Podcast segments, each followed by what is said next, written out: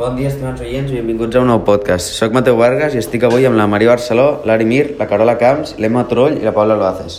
D'acord amb la Vox Populi, el podcast d'avui l'enfocarem al voltant del franquisme. Més concretament, el paper de la dona en aquesta etapa de la història espanyola. Per aquells que no coneixeu el franquisme, us posem en context. El franquisme va ser una dictadura basada en el poder total del general Francisco Franco, des del 1939 fins al 1975, en morir el dictador.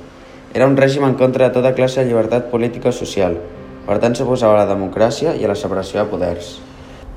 El franquisme va tenir dues etapes. La primera és de 1939 fins a 1960, que va ser la més dura de totes perquè el govern feia molta repressió contra el bàndol perdedor de la Guerra Civil del 36. Després va haver-hi una segona etapa des de 1960 fins a 1975, que el govern es va tornar més liberal, marcada pels acords amb països estrangers, com per exemple els Estats Units. El govern anterior d'aquest va ser de la Segona República, de 1933 fins a 1936, un govern molt liberal que va lluitar per la millora dels drets en les dones.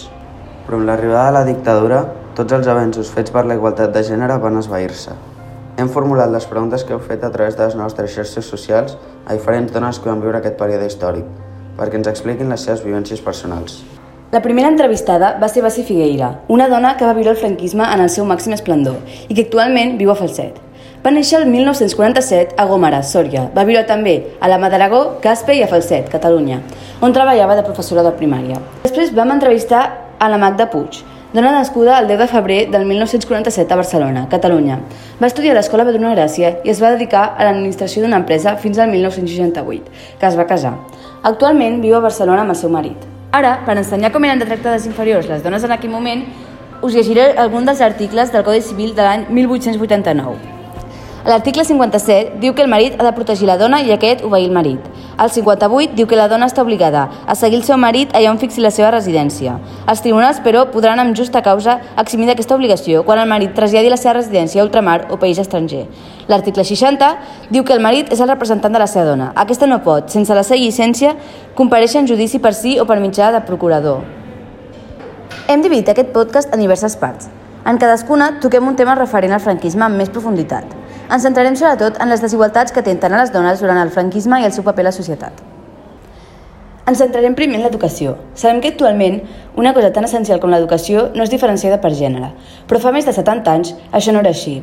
Abans, l'educació primària i secundària era diferent segons el teu gènere. És a dir, els homes els ensenyaven a fer matemàtiques avançades, geografia, escriure, etc.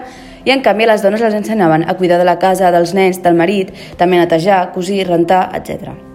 A partir dels anys 60, a causa de l'augment demogràfic i la millora econòmica, va augmentar moltíssim la matriculació al nivell primari i secundari, i també ho va fer la matriculació femenina. Per últim, veure una dona a la universitat al principi del franquisme era una cosa molt estranya. Cada cop aquest fet va anar canviant. Unes enquestes del 1956 indiquen que en aquell moment les dones suposaven un 18,3% dels estudiants d'universitat. Aquest nombre es va multiplicar als anys 60. Segons algunes de les testimonis, recorden molt l'experiència de l'educació separada per gènere. Como alumna, siempre chicas con chicas y chicos con chicos. En aquella época no nos juntábamos seguramente hasta la universidad. Y después, cuando fui maestra, los primeros años también. Solo tenía chicas o chicos, pero todos juntos no estaban. La primera testimoni ens va comentar algunes assignatures que recordava, com economia domèstica i gimnàstica femenina. També ens comentava que a primària a la seva escola la cultura gènere que ensenyaven, és a dir, matemàtiques, català, castellà, era la mateixa. Però Maria, després de la universitat que hi havia? Doncs ara t'ho explico. Després de la universitat arribava el món laboral, que a causa de la necessitat de les famílies i perquè part de la població masculina havia mort durant el conflicte, gran part de la població femenina es va incorporar a l'àmbit laboral durant i després de la Guerra Civil. Però hi havia una gran discriminació en aquest àmbit. Les dones només treballaven en feines poc importants i no masculines i tenien un salari molt inferior que els homes per la mateixa feina. Al 1961 es va publicar la Llei de Drets Polítics, Professionals i a través de la dona, per la qual s'intentava reconèixer a les dones els mateixos drets que els homes per a l'exercici de professions. A partir d'aquell moment, les dones cada cop van començar a treballar més i a omplir llocs de treball coneguts normalment per ser totalment masculinitzats. Totes les feines de la casa, entre fregar, cuinar, treure la pols, anar a comprar i cuidar els fills i el marit, un cop ja et casaves. Vull dir que no havia... Alguna podia treballar de secretària, eh, poques doctores hi havien i, i poca cosa més, no podies... I tu has treballat d'algú? Sí, jo estava de, de secretària en una empresa de teixits, però quan em vaig casar van fer finiquito i s'ha acabat ja, ja no... Què passa? Que llavors jo al cap d'uns anys sí que podies tornar a començar a treballar, però clar, ja tenies criatures, ja també era, era bastant difícil llavors. Els testimonis ens asseguren que les úniques feines en què podien somiar eren infermeres, mestres, modistes i altres branques d'aquestes feines i que moltes acaben sent dones de la casa, un cop els fills naixien, ja que les dones tenien un gran paper en la família. Doncs sí, Maria, les dones tenien un gran paper en la família, que com ja sabem es basava en la llar i l'educació dels seus fills. Les dones havien de tenir cura dels nens per criar-los com a bons espanyols. El paper de la dona es relacionava molt amb el catolicisme, el qual va aclarar que era un pilar fonamental per la societat, el qual tenia com a finalitat tenir molts fills i aquesta unió matrimonial era indissoluble. A continuació, la Magda us explicarà quin rol hi jugava ella en la seva família.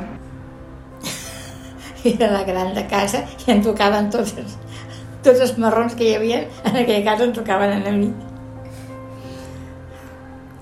Vull dir, com que era la gran, doncs havies de fer tot ben fet i, i no d'això. I et van educar a través dels valors de la pàtria o no? No, era, a casa meva eren molt, molt, molt, molt catalans. I a mi la meva pàtria és la meva terra. No... I el català sempre l'hem parlat a casa meva i sempre he llegit en català. El que passa que no, o sigui, no podies estudiar en català ni et donaven classes de català. Jo perquè tenia uns avis, tenia un avi que ho era de català fins a la fins a la al moll de l'os, vull dir que i ell llegia i ens ensenyava ell el, Bé, com ha dit la Paula, les dones tenien un paper molt important a la família, però tot i això, elles eren propietat del seu marit. Durant el període del franquisme, els drets de les dones van quedar totalment restringits. Es van prohibir drets com el dret a vot, que va ser aprovat el 1933, el dret al divorci, que va ser aprovat el 1932, van condemnar l'avortament i també va haver-hi una separació de sexes en l'ambient educatiu, on quedaven totalment separats els homes de les dones. Els testimonis ens van mencionar que elles en el passat havien estat molt reprimides, però no ho percebien, ja que estava molt normalitzat. El dret de les dones és un exemple de vulneració del paper de la dona, però també ho és la comunicació. Aquest és un reflex de les ideologies en una societat.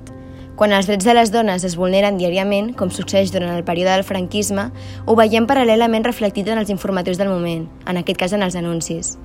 És per aquest motiu que podem considerar la publicitat una font primària de gran rellevància, ja que no deixa de ser un pou d'informació sobre un període històric.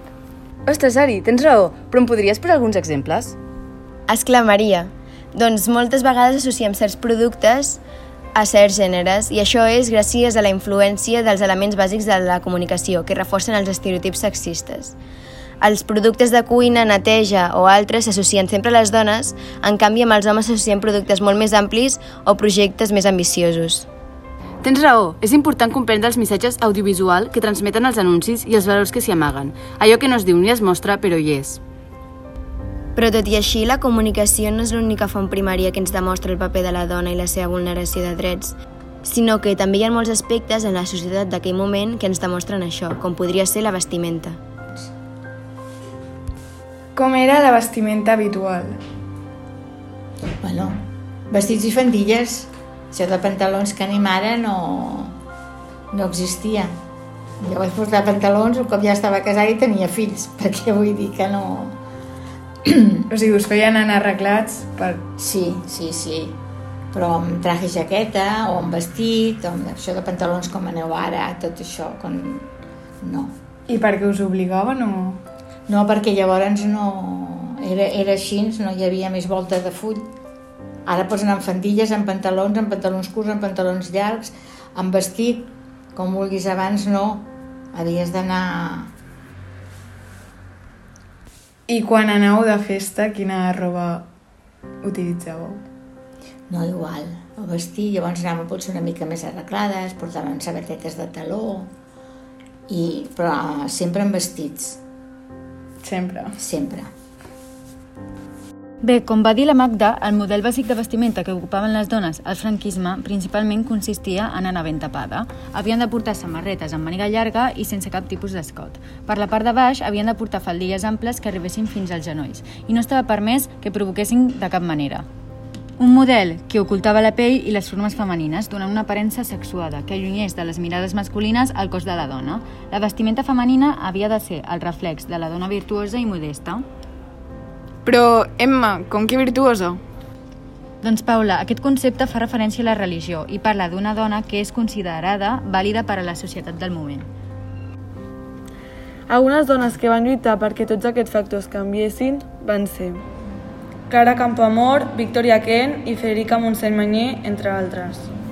Clara Campoaquer? Qui va ser ella? Home, Clara Campoamor va ser una advocada, escriptora i política activa durant el període de la Segona República Espanyola i defensora dels drets de la dona. Va destacar com a diputada principalment per la defensa que va fer pels drets de la dona, a més de participar en l'elaboració i defensa de la llei del divorci. Va aconseguir la igualtat de drets electorals entre l'home i la dona en l'estat espanyol i el 1936 va escriure un llibre el qual va anomenar El meu pecat mortal, el vot, femení i jo. Per altra banda tenim a Victoria Kent, que va ser una advocada política i la primera dona en ingressar el Col·legi d'Advocats de Madrid i la primera en exercir aquesta professió. També va ser escollida diputada del Partit Republicà Radical Socialista i va ser nombrada directora general de presons. I per acabar, l'última dona que destacaríem seria Federica Montseny Mañé. Ella va ser política, escriptora i una líder anarquista. També ministra durant la Segona República Espanyola i la primera dona ministra d'Espanya. No t'oblidis de Pilar Primo de Rivera, que va ser la líder de la secció femenina creada en 1934, una secció a la Falange Espanyola, un partit polític fundat en 1933 per José Antonio Primo de Rivera, el germà Pilar. Pilar va ser una dona molt influent, tant abans com després de la Guerra Civil. Durant aquesta es va reunir amb grans líders polítics com Hitler i Mussolini. Ostres, em sona molt això de la secció femenina. Sí, era aquella que defensava el nacionalisme, els valors tradicionals, això. Sí, també defensava els papers de mare i d'esposa sumisa, la idea que la dona era moralment i ideològicament inferior a l'home, que la dona havia estat subordinada totalment a la figura de l'home i han d'allunyar la dona de la vida política del país. La dona era el pilar fonamental de la família i la dona era tractada com a una menor d'edat. Ostres, que fort! Saps qui és Pilar Primo de Rivera o la secció femenina de Falange Espanyola? Sí, Pilar Primo de Rivera era una, un mando de, de la sección femenina, que era una escisión de la falange española y que se dedicaba a, a, todo lo relacionado con mujeres, con las mujeres, que en aquella época estaba muy diferenciado lo que iba dirigido a las mujeres y lo que iba dirigido a los hombres. ¿Y cuál fue tu experiencia con, la, la, principal que recuerdo, no teníamos mucha relación con la sección femenina porque nunca estuve afiliada a la sección femenina, pero, pero teníamos que hacer, para hacer magisterio, el segundo curso teníamos que hacer un curso obligatorio de, de 20 o 25 días en un lugar cerrados en pleno agosto y recuerdo que no lo pasé bien porque los mandos de la sección femenina eran todas eran unas personas muy prepotentes, exigentes y, y poco, poco cariñosas con las chicas que estábamos haciendo el curso.